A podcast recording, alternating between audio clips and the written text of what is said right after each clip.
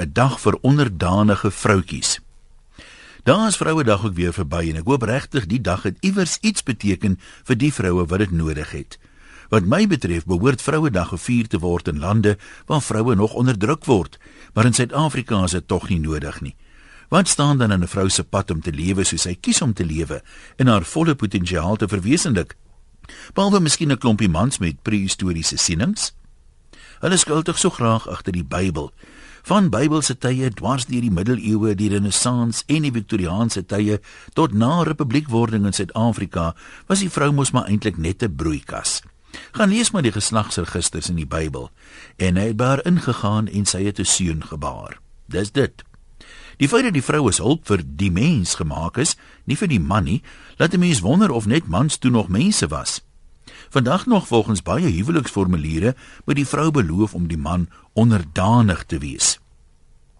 In die tyd toe geen vrou sou waag om papi se woord te bevraagteken nie, moes sy haar man natuurlik letterlik onderdanig gewees het. Hy was immers die baas.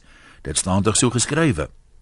Sommige mense daarom agtergekom as jy alles wat geskrywe staan so letterlik opneem, dan gaan jy dalk by 'n paar onaanvaarbare gevolge uitkom. En hoewel die Bybel natuurlik nie verander het nie, preek baie predikante tog vandag anders oor die onderdanig. Volgens sommige is dit nou meer soos 'n vennootskap, met die man die senior vennoot natuurlik. Wel gaan kyk maar na enige vennootskap wat werk en jy sal sien die vennote speel na hulle sterkpunte toe. Elke vennoot is verantwoordelik vir die pligte wat hy die beste kan uitvoer, nie die waarmee hy sukkel nie. As die huwelik ook so gewerk het, sou daar waarskynlik meer huwelike geslaag het.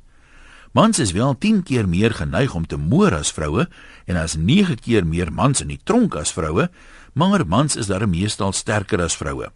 Dit sou dus mos sin maak dat die man die blue collar vernoot kon wees in die vennootskap, die een verantwoordelik vir die hande arbeid. Die nommer 1 rede hoekom mense ongelukkig is by die werk en bedank interessantheidshalwe is gebrek aan erkenning. Nou mans is oor die algemeen meer mededingend as vroue. My kar is vinniger as joune en my span is beter as joune.